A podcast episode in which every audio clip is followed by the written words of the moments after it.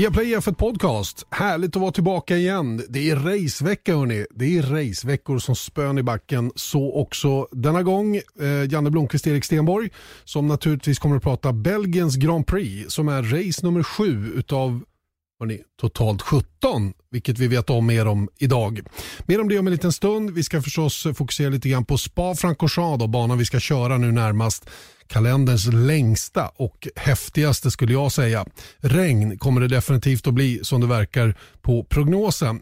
Eh, vi kommer att prata om att Williams nu till slut är sålt. Williams-teamet har sålts till något som kallas för Dorlington, Dorliton Capital. Mer om det om ett tag. Och sen vad är egentligen Concorde-avtalet som alla team, tio team nu har skrivit på för att köra vidare. Vi berättar också att Q-modesen har flyttats fram, i alla fall förbudet av att ta bort så kallade kvalmode på motorn motorn. Det är flyttat fram då till och med Italiens Grand Prix på Monza. Och hur blir det med silly season, Erik? Det får vi se i slutet av den här podcasten. Just det. Vi har ingen silly season på vår avdelning. Nej, det hoppas jag safe. Jag tror det. Jag, jag tror det. Jag har i alla fall kontrakt ett år till. Sen vet man att kontrakt är ju aldrig värda mer än pappret det är skrivet på. Nej, det är en hård bransch det här också. Självklart är det det. Eh, spaningen den här veckan får bli lite känslan efter Indy 500 eller? Ja, Ja, det lovade så himla gott alltså. Till, sen så tycker jag att det blev ett bra race ändå. Sen så lite smolk i bägaren där för den sista, att det gick i, gick i mål bakom Pacecar, det var inte så, så kul då. Men det fanns ju anledningar bakom det och det är inte första gången som det har hänt i Indycars historia heller. Nej, och det fanns ingen möjlighet för dem att göra, de hade kunnat rödflagga på en gång, men du vet, att komma igång och liksom få, få tre racevarv på slutet. Det var dessutom en lång reparationstid av den här avbäraren då, mellan banan och depån. Mm. Så att eh, det, det, ja, det var inte möjligt för dem helt det, det hade de ju kunnat göra, men det var faktiskt tydligen, ja, enligt Marshall Pruitt, som är vår gamla poddkollega faktiskt, han har varit med i den här podden, eh, sa att de uppskattade reparationsjobbet till en timme för den där av däcksbarriären då. Och det vill inte NBC fylla. Nej. För de gick på kommersiell tv och, och så vidare då. Just det, det finns sådana hänsyn att ta i det hela. Eh, jag pratade lite kort med Marcus Eriksson igår som naturligtvis var besviken över att det slutade som det gjorde för hans del. Det var någonting, eh, utan att gå in på det för tekniskt, så hade det lite grann med mycket motorbroms. Vet, de, I racet så växlar de ju mer än vad de gör på ett kvalvarv. Då åkte ju Chip Ganassi-bilarna på femmansväxel hela varvet runt fullt. Eh, I racet här så gick man från sexan ner till femman och sen faktiskt ner till fyran vissa gånger.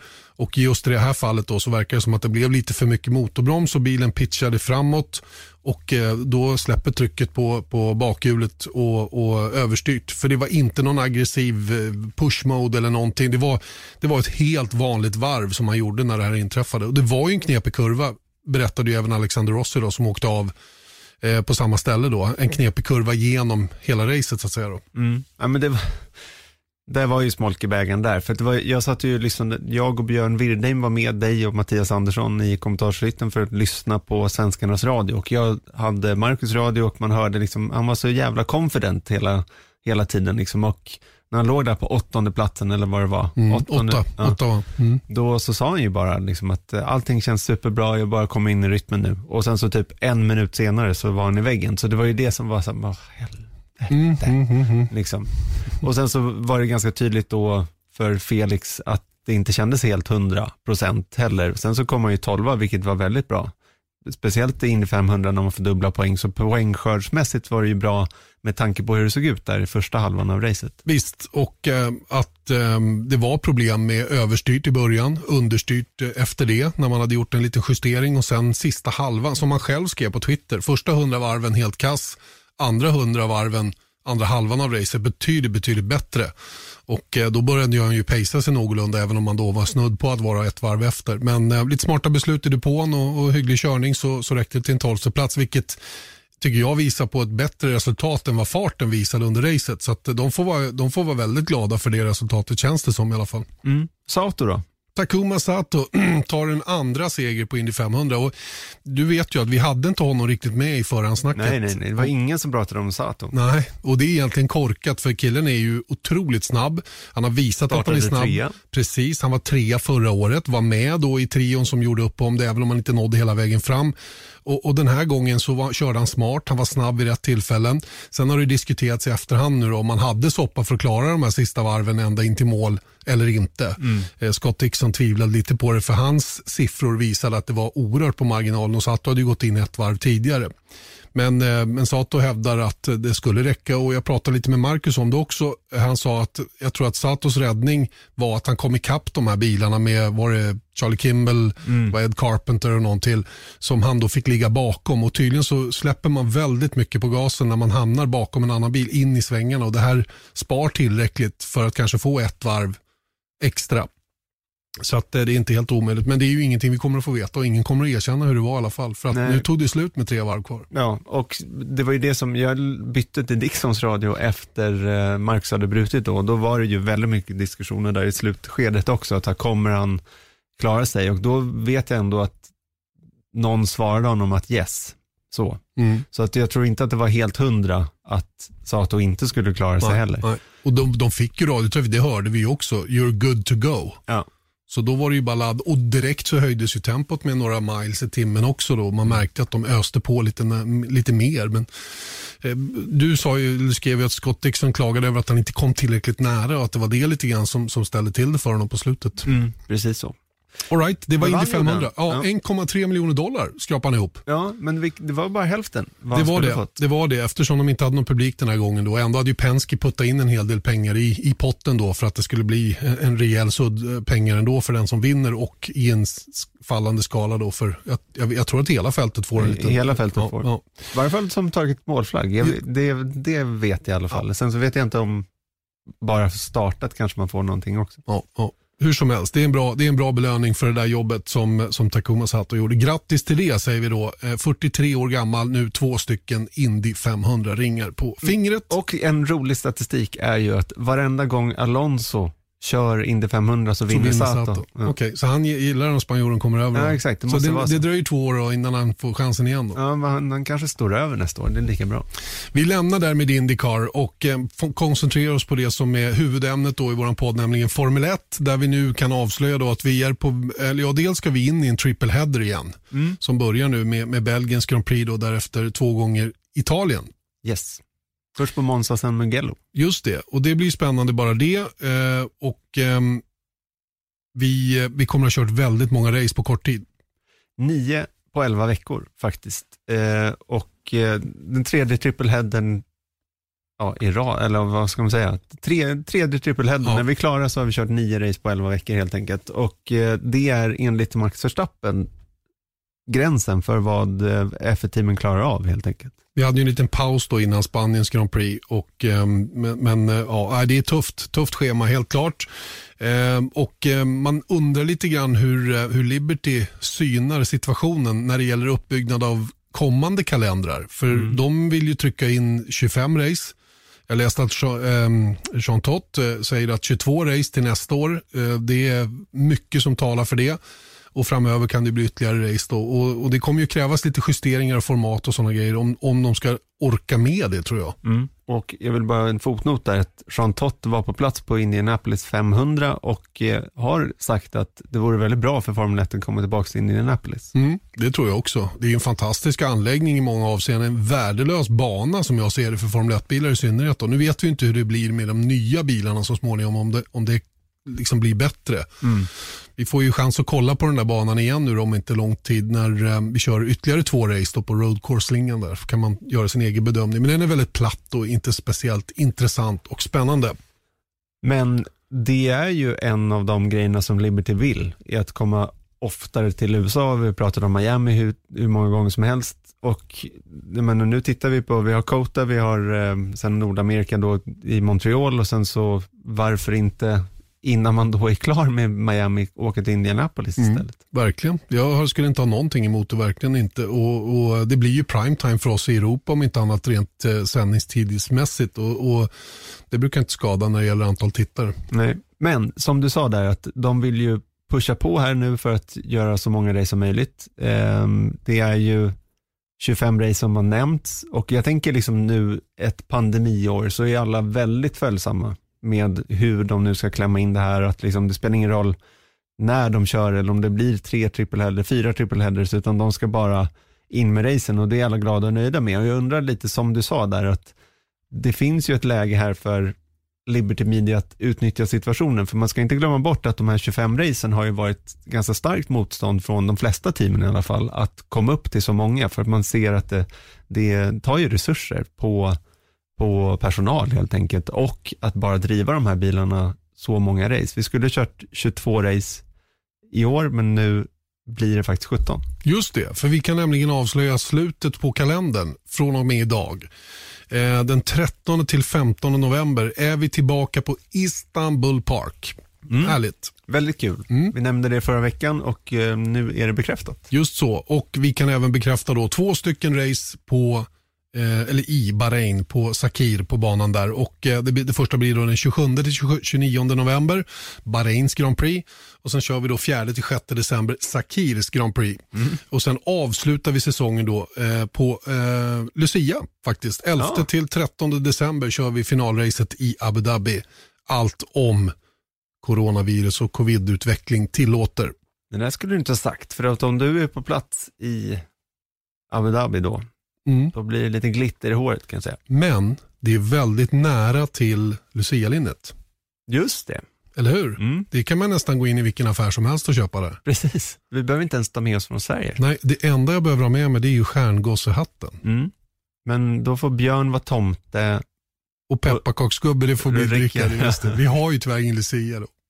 Magnus. Magnus, ja. såklart. Det är klart han blir med ljus i håret. Okej, okay, men som sagt, vi, vi, ehm, vi får då ytterligare fyra race då och är totalt uppe i 17 då, vilket har varit en eh, tror jag, målsättning och ambition då från Formel 1 hela tiden då att nå det här antalet strax över 15. Mm. Eh, de hade nog velat haft in några till, men, men eh, jag tycker den kalender som man nu får till är helt okej. Okay spridningen är ju inte jättestor såklart. Va? Det är ju merparten av racen körs i Europa, men vi får de där avslutande då i, i Bahrain och i Abu Dhabi som, som ehm, ja, de är alltid lite fräna. Det är lite twilight race, eh, mörker, elljuset. Det är en skön inramning i alla fall, även om inte åtminstone Abu Dhabi är världens roligaste bana. Nej, men Bahrain brukar ju faktiskt leverera riktigt bra och sen så är det ju runt, om det är Bahrains Grand Prix eller Sakirs Grand Prix, där det ändå talas om en annorlunda banslinga. Mm, det finns ju ett litet alternativ. Man körde ju någon um, endurance-slinga ett år som inte var speciellt populär. När man efter kurva 4 vek vänster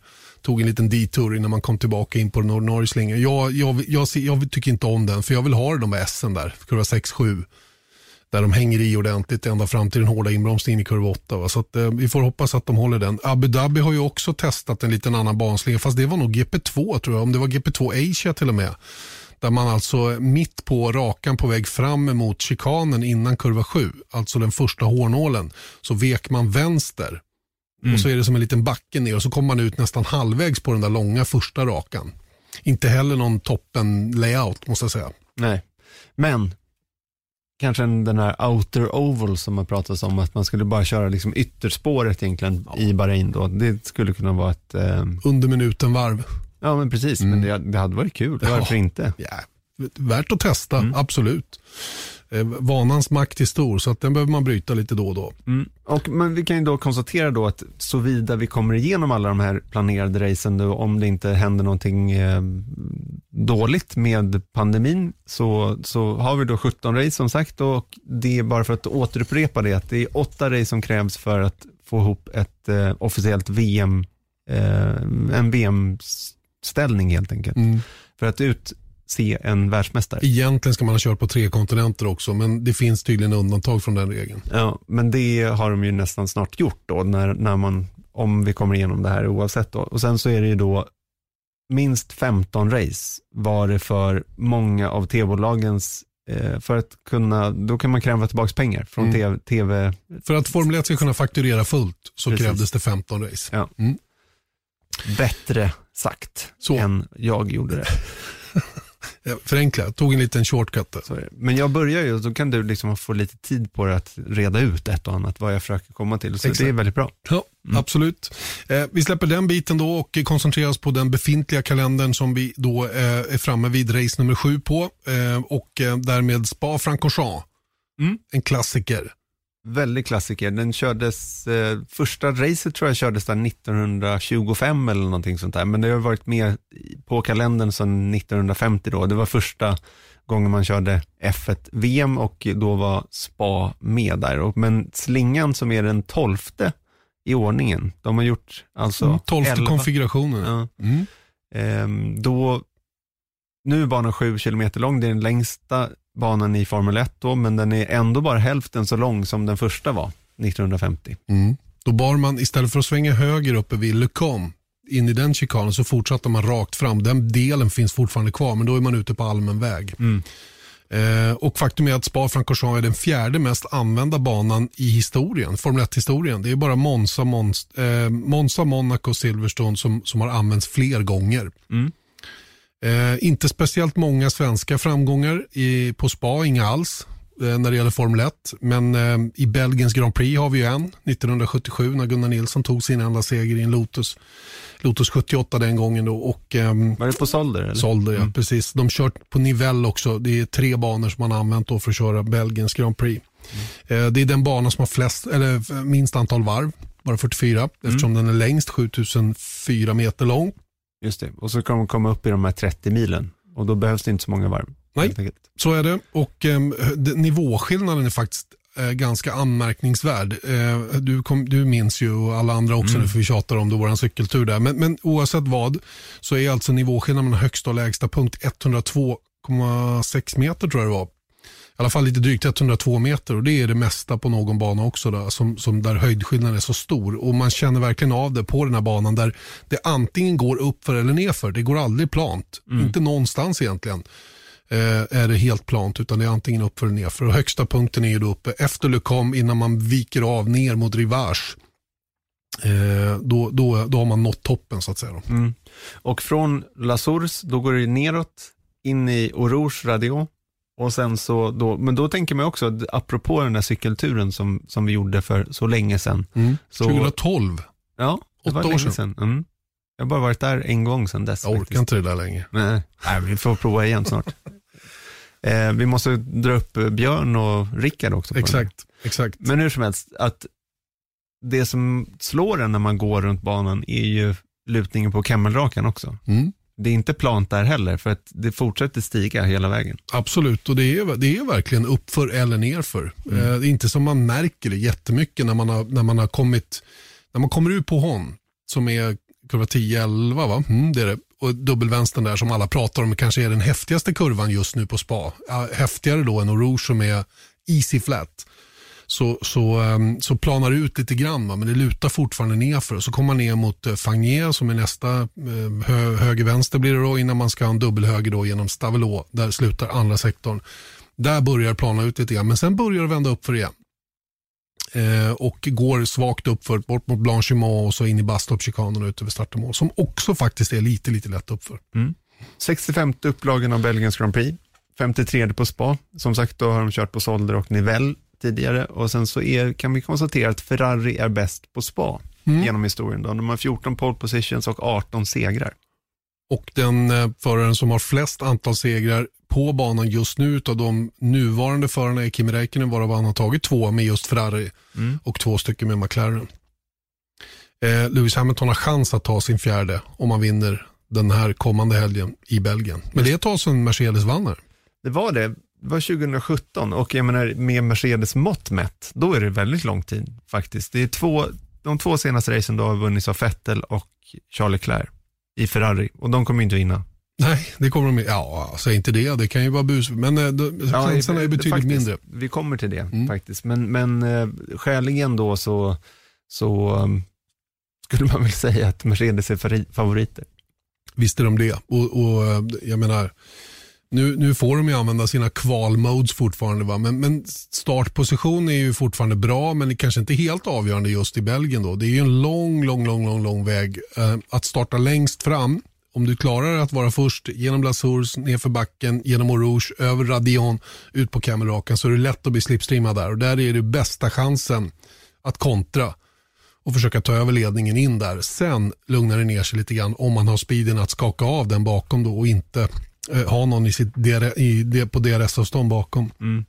Men alltså, du nämnde regn och det ska komma mycket regn och det ska vara kallt som attan alltså, Ja. på söndag. Så jag tror det är så här 11-12 grader eller någonting sånt och så här 4 millimeter regn eller Gillar någonting det. sånt där. Gillar det.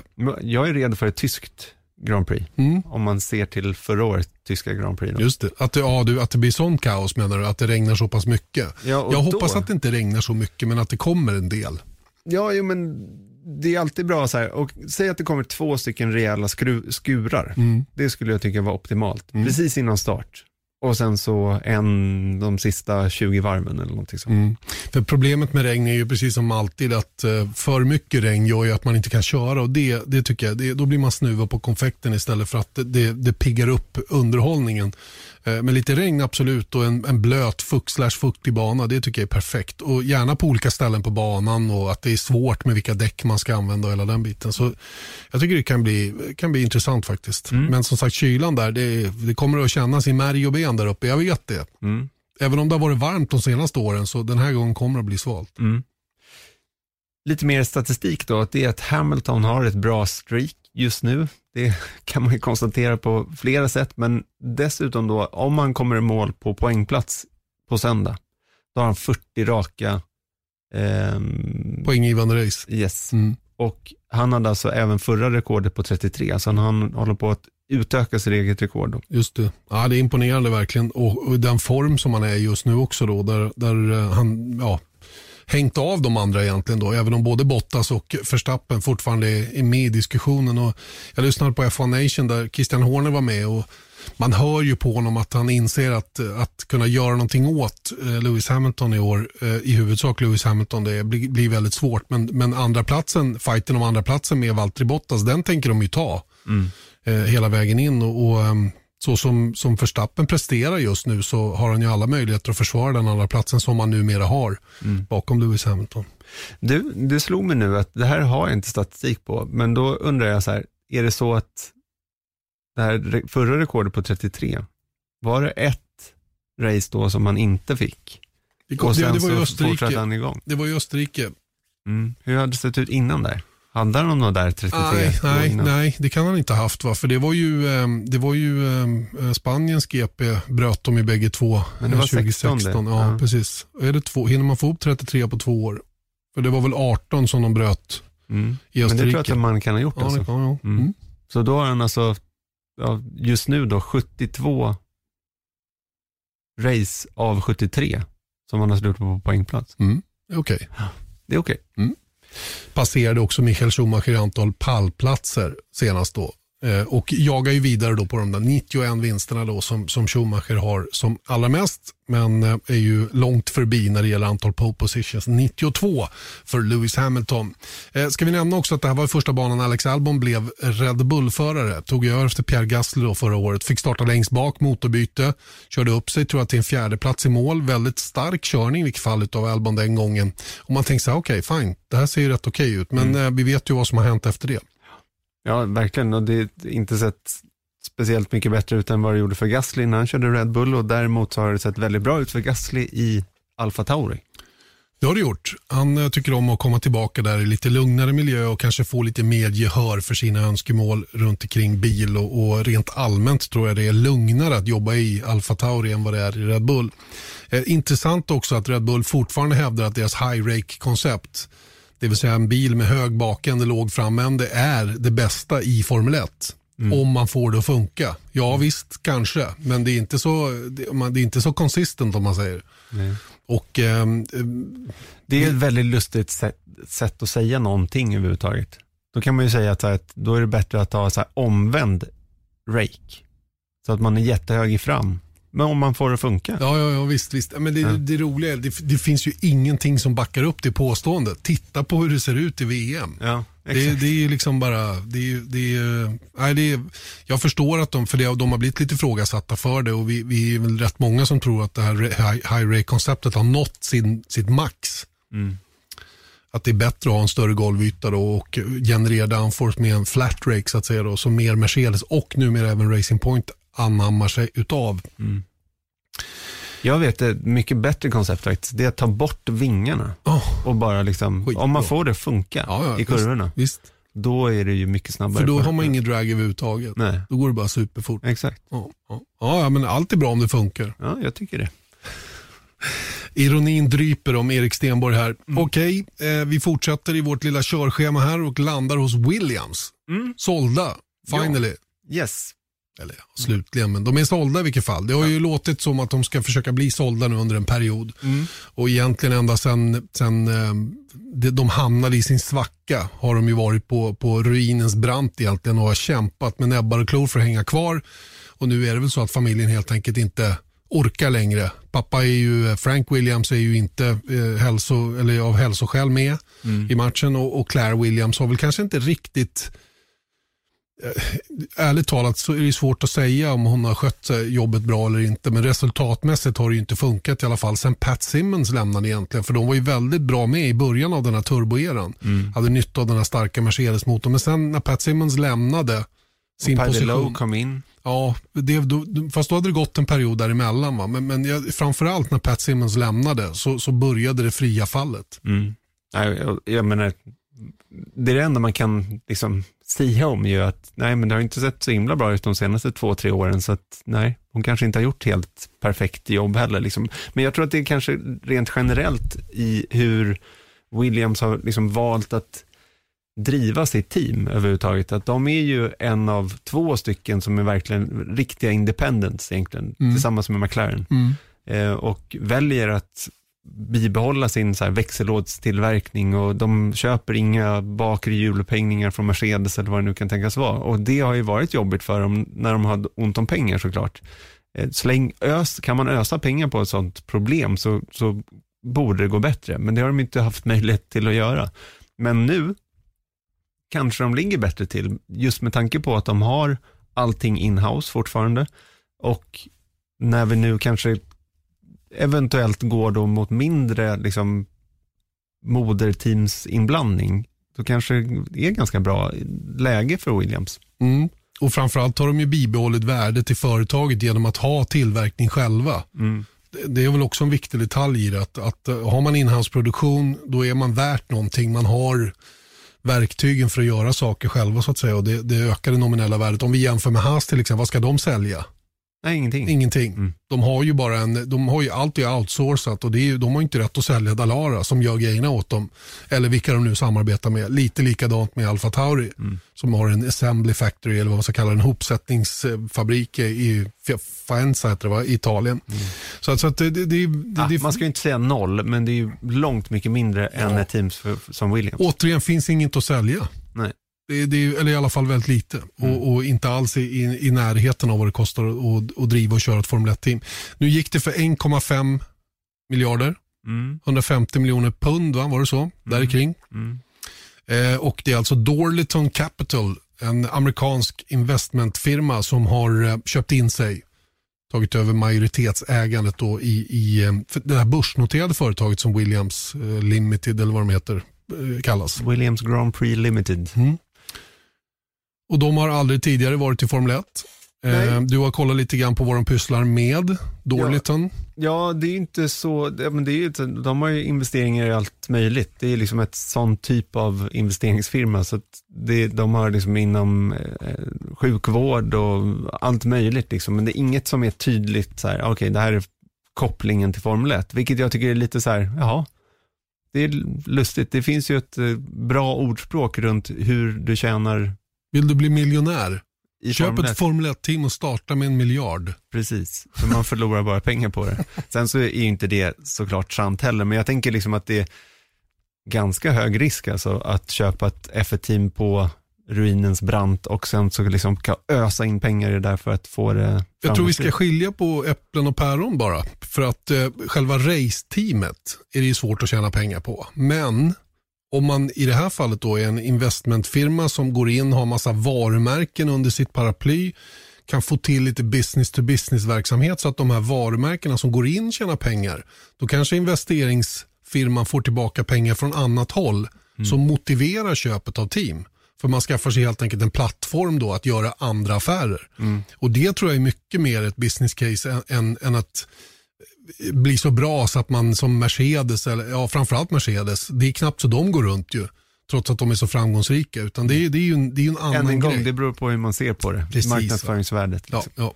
Så jag, räknar man det på det viset så, så kommer det ju massor med pengar tillbaka. Man säljer bilar och hela den grejen. Men, men när det gäller, man kan ju tycka det är konstigt varför man köper ett team som är så dåliga, inom citat, som de är just nu. Men det finns en poäng med det tror jag.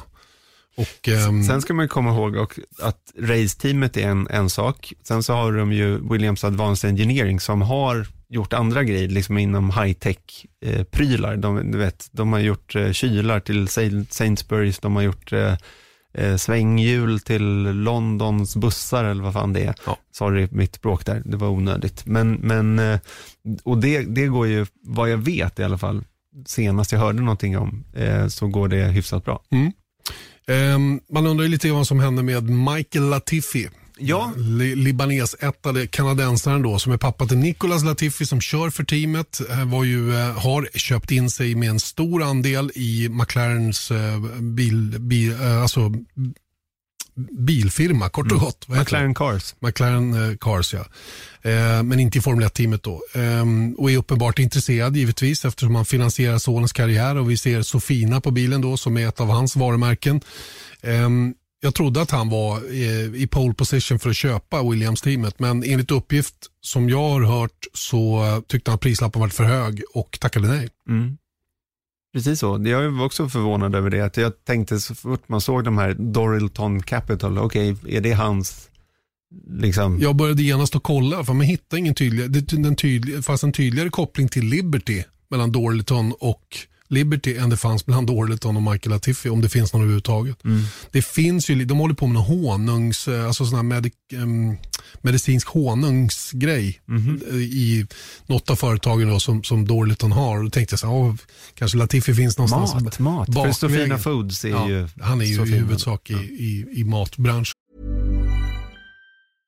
How would you like to look five years younger? In a clinical study, people that had volume added with Juvederm Voluma XC in the cheeks perceived themselves as looking five years younger at six months after treatment. Look younger, feel like you. Add volume for lift and contour in the cheeks with Juvederm Voluma XC. Reverse signs of aging by adding volume to smooth laugh lines with Juvederm Volure XC. For important safety information and to find a licensed specialist, visit juvederm.com. That's J U V E D E R M.com. Not for people with severe allergic reactions, allergies to lidocaine, or the proteins used in Juvederm. Common side effects include injection site redness, swelling, pain, tenderness, firmness, lumps, bumps, bruising, discoloration, or itching. There's a risk of unintentional injection into a blood vessel, which can cause vision abnormalities, blindness, stroke, temporary scabs, or scarring. Talk to a licensed specialist to find out if it's right for you. Eller livsmedelsbranschen kanske. Ja, men, men det, det, om han, han, det finns ju risk att han, eller risk, det finns ju en Chans. möjlighet att han är, är med i det där ändå. För att jag menar, han kan ju investera i Doralton och sen så är det Ja. klart där liksom på, på olika sätt. Men hur ser framtiden ut för Williams då, sett från din magkänsla med tanke på det här då? Vi kan ju titta på ett eh, ganska bra case som finns redan som har haft en liknande utveckling. Då. Jag tänker på, på Sauber Alfa Romeo. Där, där har ju, de har ju stagnerat sen de fick nya ägare och eh, tog några rejäla kliv in, initialt. Men, men sen har det stannat av ganska dramatiskt. Självklart hänger det ihop en hel del med, med Ferraris eh, motor då, som inte alls är konkurrenskraftig längre. Eh, men, men eh, det är inte så lätt att bara skjuta in en massa pengar och få fart på verksamheten och tro att det eh, ganska omedelbart ska bli resultat. Till att börja med så behöver du ju få tag i folk som är duktiga på det de gör. Inte alldeles lätt. Know-how i Formel 1 är ganska begränsat till, ett, till en liten krets. Ehm, och eh, du måste ha ordning på strukturen, vem som leder hela arbetet eh, och alltihopa det där. Va? Och, och där är ju frågan vad händer med Claire Williams, hur länge kommer hon att sitta kvar? För teamet som sådant kommer ju ha samma namn och det kommer inte att förändras i, i hur det drivs och sköts. Det kanske kommer att bli vissa förändringar i vem som sköter det. Och jag tror att Claire Williams är en av dem som nästintill längtar att få kliva av nu när familjebanden till teamet inte längre finns. Mm. För det ju, har ju varit liksom hennes krok in i det där. Att vi, vi i familjen, vi ska ta hand om vårt. Liksom. Mm. Så att eh, jag tror att vi under den kommande avtalsperioden med Formel 1 så kommer det nog inte ske några dramatiska förändringar för Williams. Förhoppningsvis lite mera ordning och reda, bättre, bättre grundförutsättningar så att säga, designa en bil och framför allt ta chansen nu i det nya reglementet 2022. Så ur tidpunkt, alltså tajmingen för själva köpet här tycker jag är smart nu. Om det nu kommer en del kulor in så att de faktiskt kan vara med och göra en hygglig bil från 22 och framåt. Mm. Ja, och det är det som är grejen här, tycker jag, att från 2022 så vet man ingenting. Alltså man vet inte hur folk jobbar nu. Det, det, det här gör då att om de får pengar, eller det får de ju, för annars finns ju ingen poäng att göra överhuvudtaget eh, att köpa Williams då, då är det ju att då laddar de säkert in och det är väl vad alla teamen håller på med nu egentligen, att bara sitta och kämpa med 2022. För det är då man kan ta riktiga kliv. Jag menar, de har ju tagit, ändå, de är i alla fall med nu, Williams, vilket är väldigt skönt att se tycker jag. De är inte så här två sekunder bakom hela tiden och vem vet, de kanske hittar där the silver bullet. Det kan lika gärna vara de mm. som eh, Mercedes. Så kan det vara. Och när vi ändå då pratar pengar, så kan vi konstatera då att innan försäljningen gick igenom så hade William skrivit på det så kallade Concordavtalet. Mm. Och då Erik, kommer vi på det som är Concordavtalet, som är vad då? Ja, det, det har man hört om i alla tider, Concordavtal hit och, och har man hängt med i Formel 1 så har man hört talas om Concordavtal. Och då har jag tänkt att så här, det var säkert någonting som skrevs på Heathrow och sen så, eller så kanske de åkte till Concorde någonstans eller någonting sånt där, de här gamla flygplanen då. Nej, det var alltså det första Concorde-avtalet och det här var ju då när Bernie Ecclestone liksom på riktigt tog över Formel 1. Eh, FOM, 80-talet va? Ja, FOM tror jag, jag vet att om man ska beställa liksom bilder från FOM, gamla bilder, så kan man få dem från 1981. Och det lirar med det här årtalet, för 1981 skrevs det första Concorde-avtalet på Place de la Concorde Alltså där Fia har sina kontor i Paris. Just det. Därav Concorde-avtalet. Mm. Eh, och det här avtalet då, eh, definierar då en hel del saker givetvis. Eh, bland annat fördelningen av tv-pengar och de prispengar eller Eh, Eh, kommersiella avtal som Formel 1 i stort gör, hur de då sen ska distribueras. Och det har ju varit ganska skevt, det har vi pratat väldigt mycket om. Eh, och för att få tävla i Formel 1 så måste man skriva på det här avtalet, annars har du inte rätt att ställa upp. Exakt, det är som en, ja du måste helt enkelt skriva på det för att annars, så, och det har att göra med stabilitet. Då. Men för det här nya avtalet går från och med 2021 till 2025. Signerar man det så är man med under F, i F1 under avtalets gång, vilket då ger stabilitet till organisatörerna, alltså Formel 1-sporten i stort och alla andra team. För att det är också en sån här grej att ska du kliva in i Formel 1 eller besluta om att stanna kvar, om Mercedes gör det på ett femårsperiod, ja, och sen så Renault, Ferrari och några andra team gör det bara på tvåårsperiod, ja, då helt plötsligt så har Mercedes kanske gjort investeringar på femårs planen, men de hoppar av efter två år och då har de ingen Formel 1 att göra. Så det, jag tror att det här är mer viktigt än vad man kan tro, utöver liksom hela distributionen av, av pengar och sånt, utan det är bara att veta, okej, okay, vilka är med och vilka är inte med. Och, och Bernie Eccleston var ju fenomenal på att dra och släppa efter och, och möjliggöra eh, för vissa att kanske få någonting mot att man kunde ge något till en annan. Att han hela tiden lyckades med kompromissen som gjorde att alla skrev på. Han fick ju socker ordentligt vilket har bitit sporten i rumpan eh, på slutet och det har man nu justerat till till stora delar i alla fall i det här nya avtalet. Mm. Vi bör dock eh, lägga till att det finns en avhoppsklausul enligt vad vi har hört den 31 mm. mars varje år då, eh, inför nästföljande säsong. Eh, men förmodligen är inte det gratis att hoppa av. Eh, kostar nog en slant och, och innefattar en massa saker som man måste uppfylla för att få utnyttja den klausulen. Så att, mm. det, det, det, är mer eller mindre garanterat tror jag att det är så. Det, jag tror att det, man kan likna det med att eh, om du binder ditt bolån mm. och sen ska du kliva av det innan, då får du ändå betala och då har du ingenting för det. Nej. Så det finns ett incitament att vara med till 2025 i alla fall. Precis. Eh, och normalt sett så är de här avtalen påskrivna långt, långt tidigare. Det nuvarande Concordavtalet går ut alltså 31 december 2020. Så det var lite ont om tid nu att få till det här. Men pandemin gjorde ju inte saker och ting lättare på ett sätt. Men gjorde det kanske lättare på ett annat. För att eh, följsamheten från teamen nu att, att bygga någonting som, som för, men alla som är med har ju ansvar för massa anställda också. Man kan inte bara släcka och stänga. Utan det, det, men, men man måste samtidigt se att det finns en möjlighet att, att faktiskt bedriva en verksamhet där man har råd att betala det man håller på med. Mm. Så att det har varit en ganska bra tror jag, samarbetsvilja mellan teamen. Även om nu Toto Wolf och Racing Point knorrade lite grann in i det sista innan de kände att de fick den sista kompromissen på plats då och kunde, kunde bestämma sig för att skriva på. Mm. Och Det var ju till och med tal om att köra under 2021 utan Concordavtal eftersom det här tog så lång tid. Men det, det här tror jag att man ytterligare en gång ska liksom verkligen påpeka att hur farligt det här hade varit. För då har man inget Concordavtal så har man ingen långsiktighet i sporten. Då kan, jag menar, pandemin är ju förödande för många eh, liksom, ur affärs Eh, avseende helt enkelt. Och då är det bara att, nej men nu har det blivit lite jobbigt, så nu skiter vi det här istället. Jag tänker som en Renault ledning till exempel, som kanske inte är överförtjusta över att spendera så mycket pengar när bilmärket går dåligt. Eh, säljer inte helt enkelt så mycket bilar som man skulle vilja och då kan man bara säga, nej men nu drar vi pluggen för det finns ingenting som säger att vi måste stanna kvar. Nu har alla skrivit på så nu vet vi i alla fall att det finns en långsiktighet i det då. Men en anledning till att det tog så lång tid var ju som sagt då coronapandemin, men det var ju just att man skulle förändra hur pengarna distribuerades. Och då var det ju de stora teamen som får mest pengar av lite så här Bernie Ecclestone-skäl då, att, apropå det där sockra. Och då, de vill inte ha mindre pengar. Så det är därför det har dragit ut på tiden helt enkelt. Och eh, Det nya avtalet kallas då för någon Robin Hood-variant där man tar från de rika och ger till de fattiga. Lite som vissas frisyrer.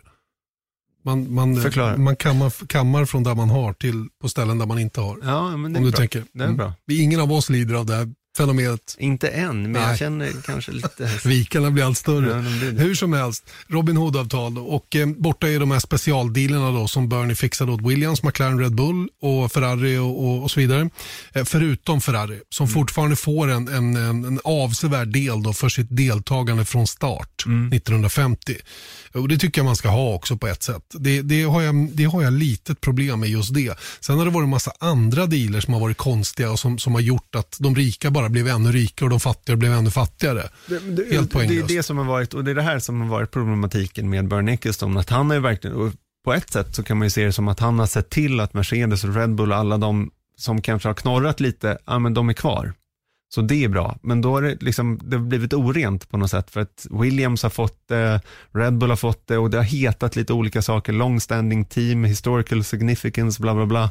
Så det har varit på väldigt konstiga olika premisser. Och sen så har det också att göra med liksom, eh, med rösträtter och allting sånt där, så att de har mer Eh, Ferrari fick behålla sitt veto. De har veto, ja, men mm. det finns andra, andra, så att det Mercedes säger har mer vikt än Alfa Tauri till mm, exempel mm. och, och, det är borta nu. Mm.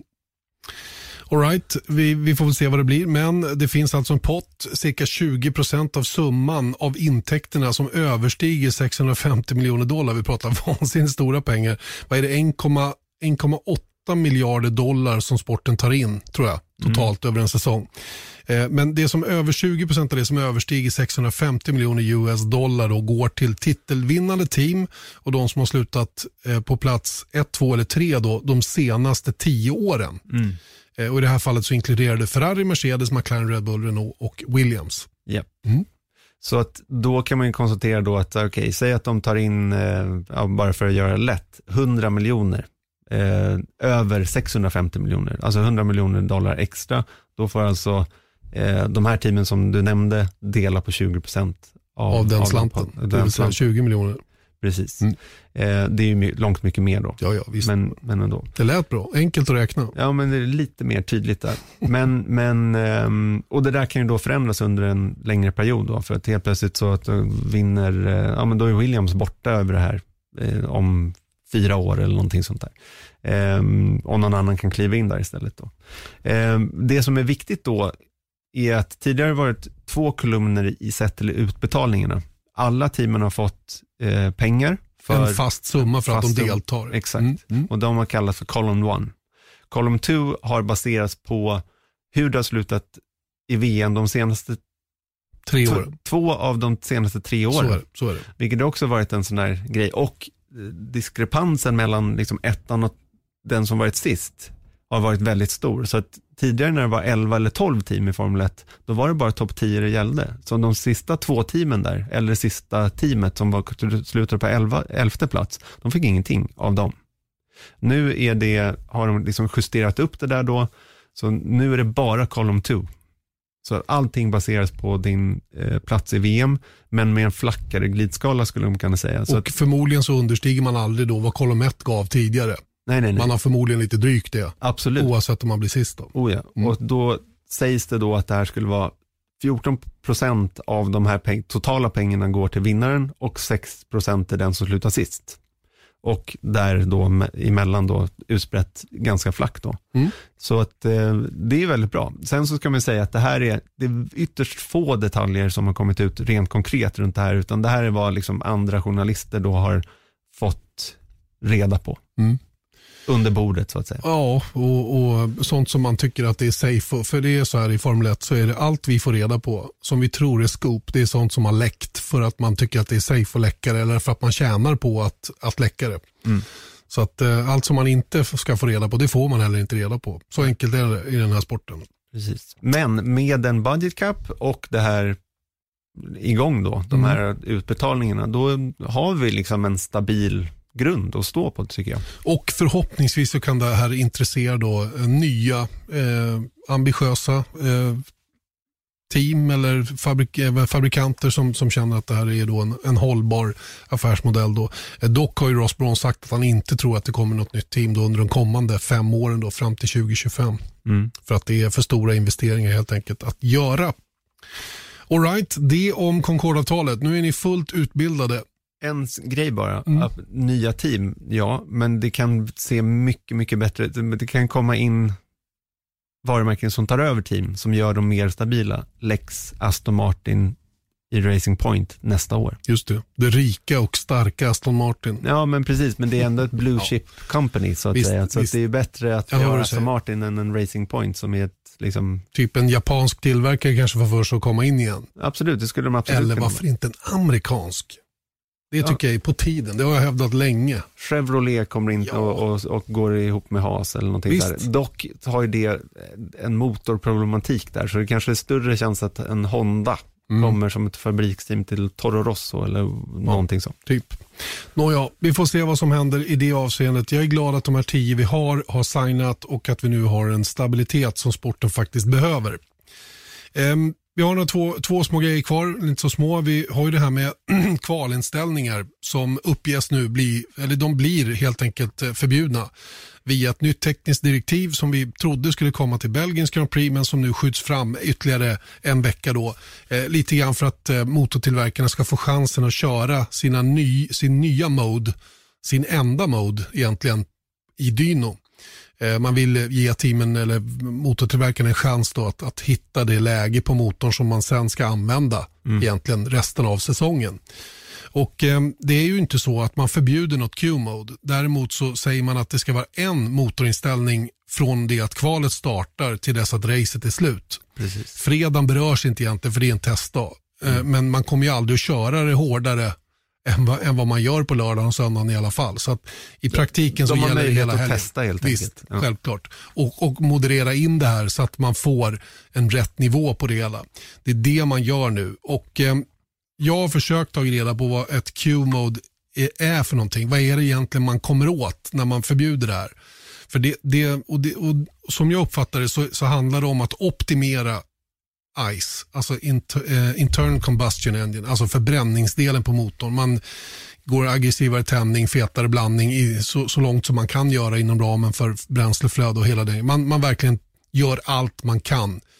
Eh, ERS-delen är ju redan begränsad till hur mycket hästkrafter man kan få ifrån den. Så, så att det, det, är helt enkelt på, på, och det är det här som sliter så hårt på motorn och det är därför man bara kan använda det begränsade antal gånger under en helg.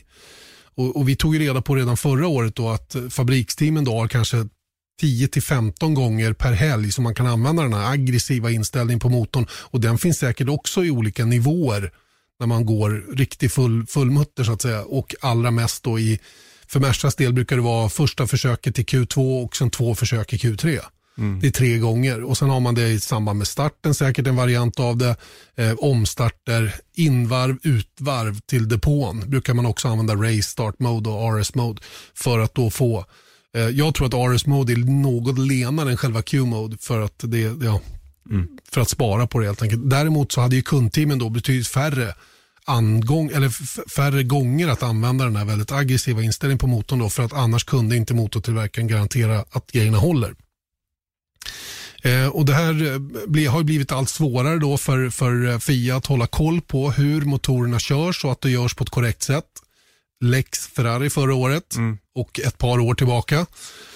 Och Nu har man helt enkelt kommit fram till att det här går inte längre. Vi måste på något sätt få en möjlighet att vara säkra på att motorerna körs på ett lagligt sätt. Och Därför så går man in i reglementet och säger att nu eh, tajtar vi till det. Och dessutom har man ju då lutat sig lite grann mot det här med driver eller alltså förarhjälpmedelsdelen då. Att föraren då, behöver man spara på motorn då får man göra det med högerfoten, inte med en massa förinställningar, presets. Och Det var ju det som man åkte dit på i Renault också när det gäller br- bromsbalansen. Man får inte ha en preset på det, vilket de hade en variant av. Så själva bromssystemet var inte olagligt men sättet man använder det på. Det är lite samma som det här innefattas av rent reglementsmässigt. Så det är ingen regeländring, det är bara ett förtydligande i, i det befintliga reglementet. Och Jag tycker det här är en intressant utveckling och det ska bli väldigt spännande att se vad det får för påverkan. Vi ska inte tro att det blir någon, eh, något vattenfall åt andra hållet här, för det kommer det inte att bli. Men däremot blir det spännande att se vem vågar köra motorn så pass tufft att man faktiskt skaffar sig en liten fördel, både i kval och i race.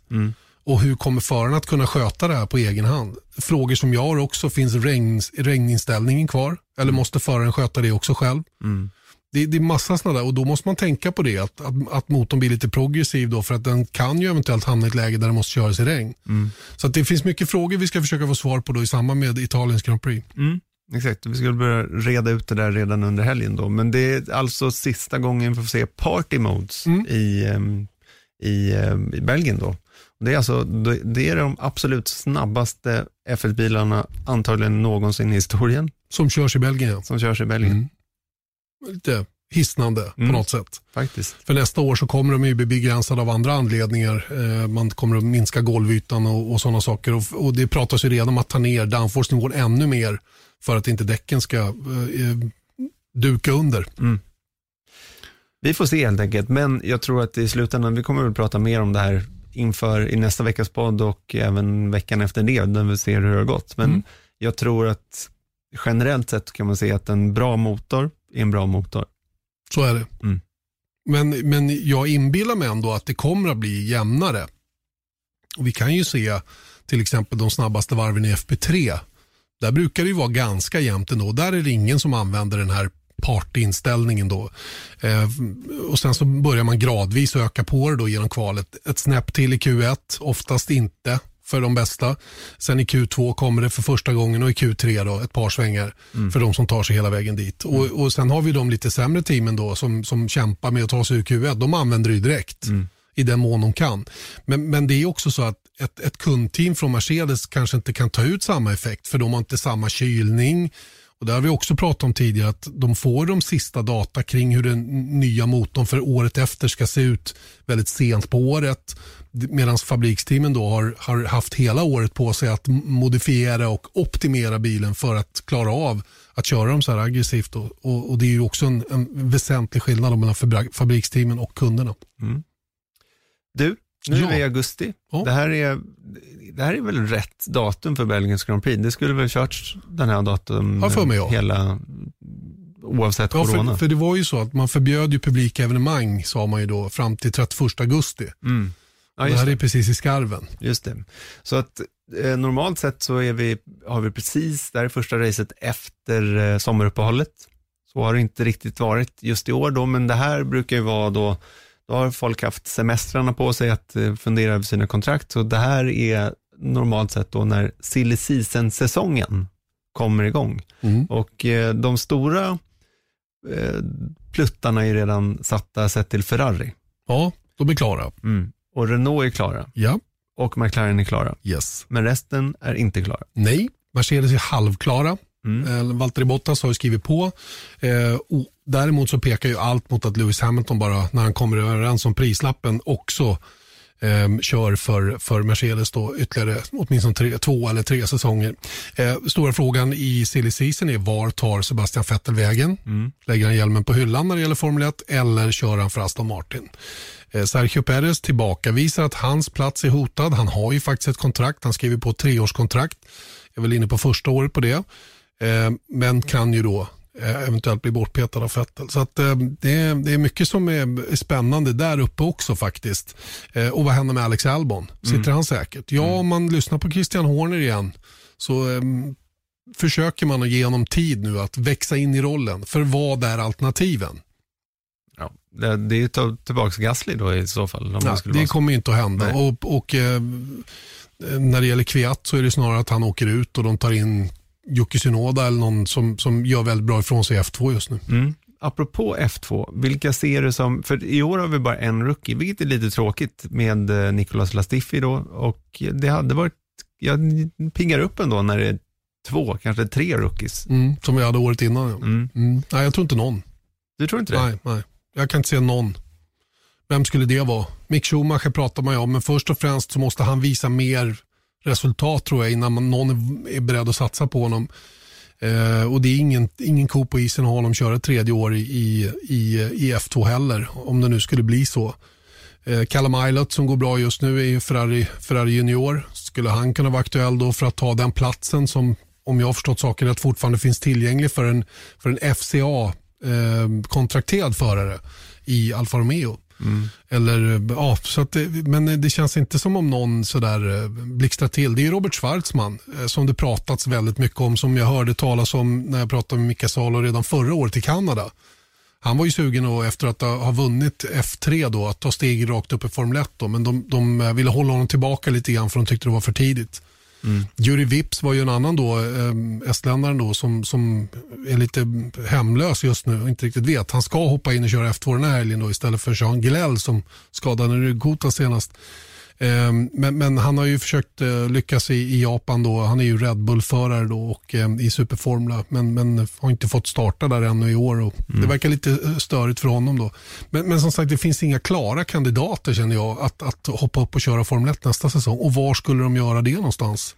Ja. Var, på, var någonstans skulle de se som ett bättre alternativ än, där det, än de som finns i Formel 1? Jag, jag, tänker så här att det finns ju lite, jag, om man räknar med då att Eh, 2022 är ytterligare ett mellanår så att säga, åtminstone tekniskt. Och jag menar, då tänker jag så här, ja men då kanske man lika gärna sitter kvar med eh, befintlig föruppställning bara för att det är liknande bilar och det är bra och bla bla bla och det är stabilitet och allt vad det är. Men eller så tänker man ju då att till 2022 ska det bli en jäkla push för alla teamen tänker sig väl att de ska ta stora steg dit och då kanske de vill ha en förare där som de, en påläggskalv liksom, som har ett år i Formel 1 bakom sig så att mm. man inte kommer in 2022 och är helt grön där.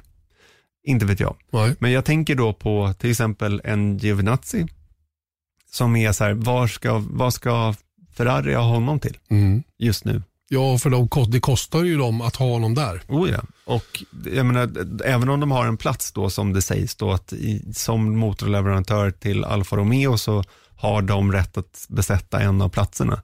Nu är det Giovinazzi som sitter där. Varför inte sätta en Mick Schumacher bara av ren promotion-syfte? Mm. Men du måste också tänka hur familjen Schumacher resonerar. Mm. Det kan vara skadligt för hans varumärke att komma helsnett in i Formel 1 och ligga och harva och kanske inte ens lyckas. Mm. Se dålig ut. Det kan vara mer skadligt än göra nytta. Mm.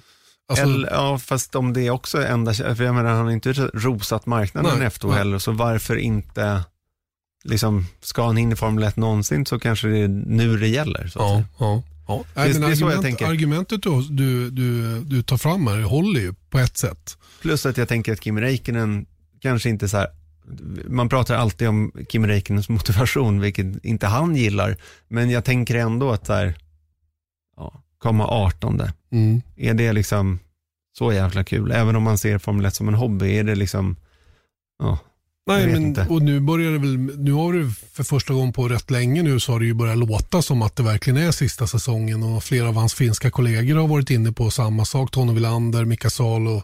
Sen vet inte jag hur nära de är. Jag vet att Tony Wilander och Micke Räikkönen känner varandra bra och är bra kompisar men, men hur mycket Kimmy avslöjar om sin framtid och, och så vidare. Och det har vi väl lärt oss att det är ingen idé att spekulera i vad han kommer att göra för det, det blir oftast tvärtom. Mm. Han Så gör vad att, han eh, vill ändå. Ja, men lite så. Va? Och, och nu fick han ju en, en bra möjlighet att köra vidare då tillsammans med Alfa Romeo. Då. Det, var, det, var liksom en, det blev en bra lucka där. Eh, och, då, och då kanske det var motiverat att, dundra vidare då. Men, men, men eh, ja, jag tror att eh, jag, om, jag, om jag vore Kimmy så skulle jag ju ta mig en djup funderare på om det är värt att hålla på. Eh, för ska han köra vidare så tycker jag att han borde vara högre upp på griden.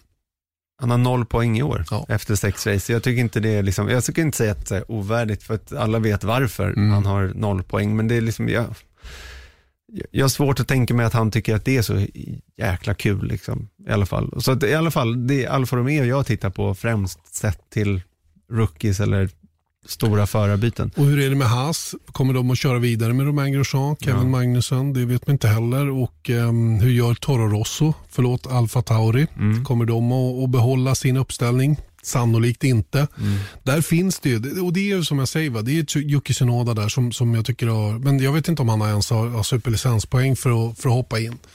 Eh, och hela den biten. Och ehm, vi vet ju inte heller om Nicolas Latifi fortsätter med det nya ägarskapet eller om det ger Williams möjligheter att drafta in någon annan. Mm. Eh, det, det, det är massor med sådana saker som man inte riktigt vet.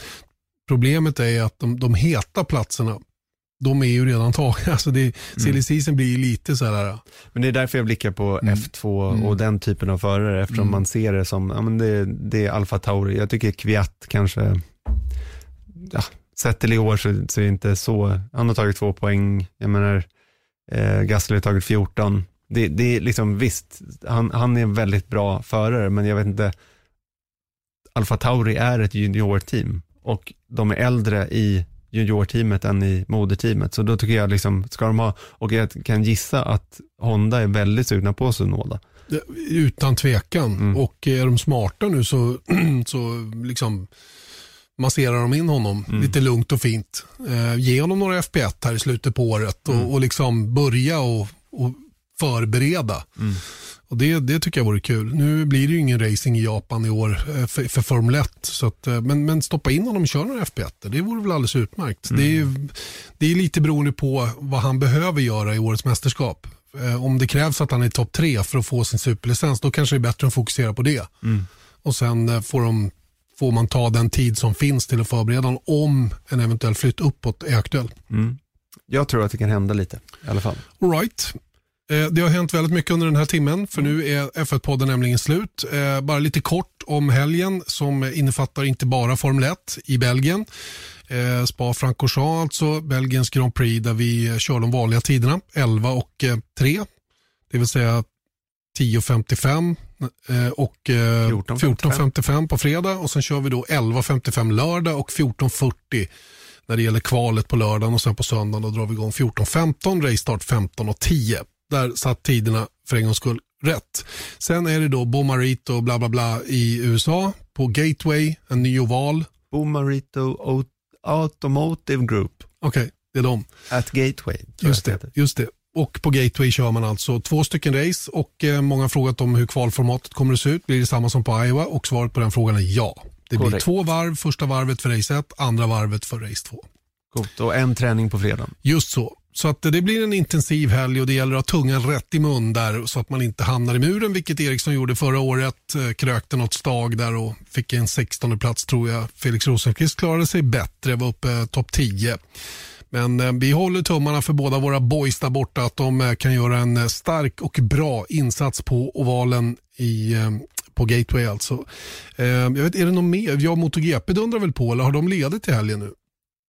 Nu ser vi ut som frågetecken både du och jag. Jag tror att de är klara. Ja. De är klara för de körde Två andra race racet i Red på, Bull, ja. på Red Bull Ring. All right. Då får vi nöja oss med det helt enkelt. Formel 1 och Indycar. Är det något kul på gång som du vet i pipen produktionsmässigt som vi kan läska med? Ja, vi har ju eh, snart Björn Wirdheim, eh, pending corona-test. Eh, Man får reda på det idag. Precis, och eh, av allt att döma verkar det gå bra och då ska vi göra som ett litet behind the scenes. Hur är det egentligen att åka på Formel 1 under 2020? Ja, under Undrar corona, coronaomständigheter. Precis, ett litet sånt reportage. Och så kommer ni se honom i rutan från paddocken med munskydd och, och så vidare. Ehm, så att eh, Rickard är ensam i studion med Susanne Sjögren och du och Rickard är ensamma i kommentarshytten. Just det, det blir bra det. Det räcker med en expert. Men vi ska ju titta på um, Concorde-avtalet såklart, eh, prata med teamchefer om det. Eh, vi har några förare på gång som jag inte är bekräftade än eh, som on one, så lite allt Smått och gott. Smått Lite och gott. smått och gott. Bra Erik, då säger vi så tycker jag och tackar för oss idag. F1-podden tillbaka nästa vecka igen på tisdag hoppas vi. Ha det gott, hej då. Hej då.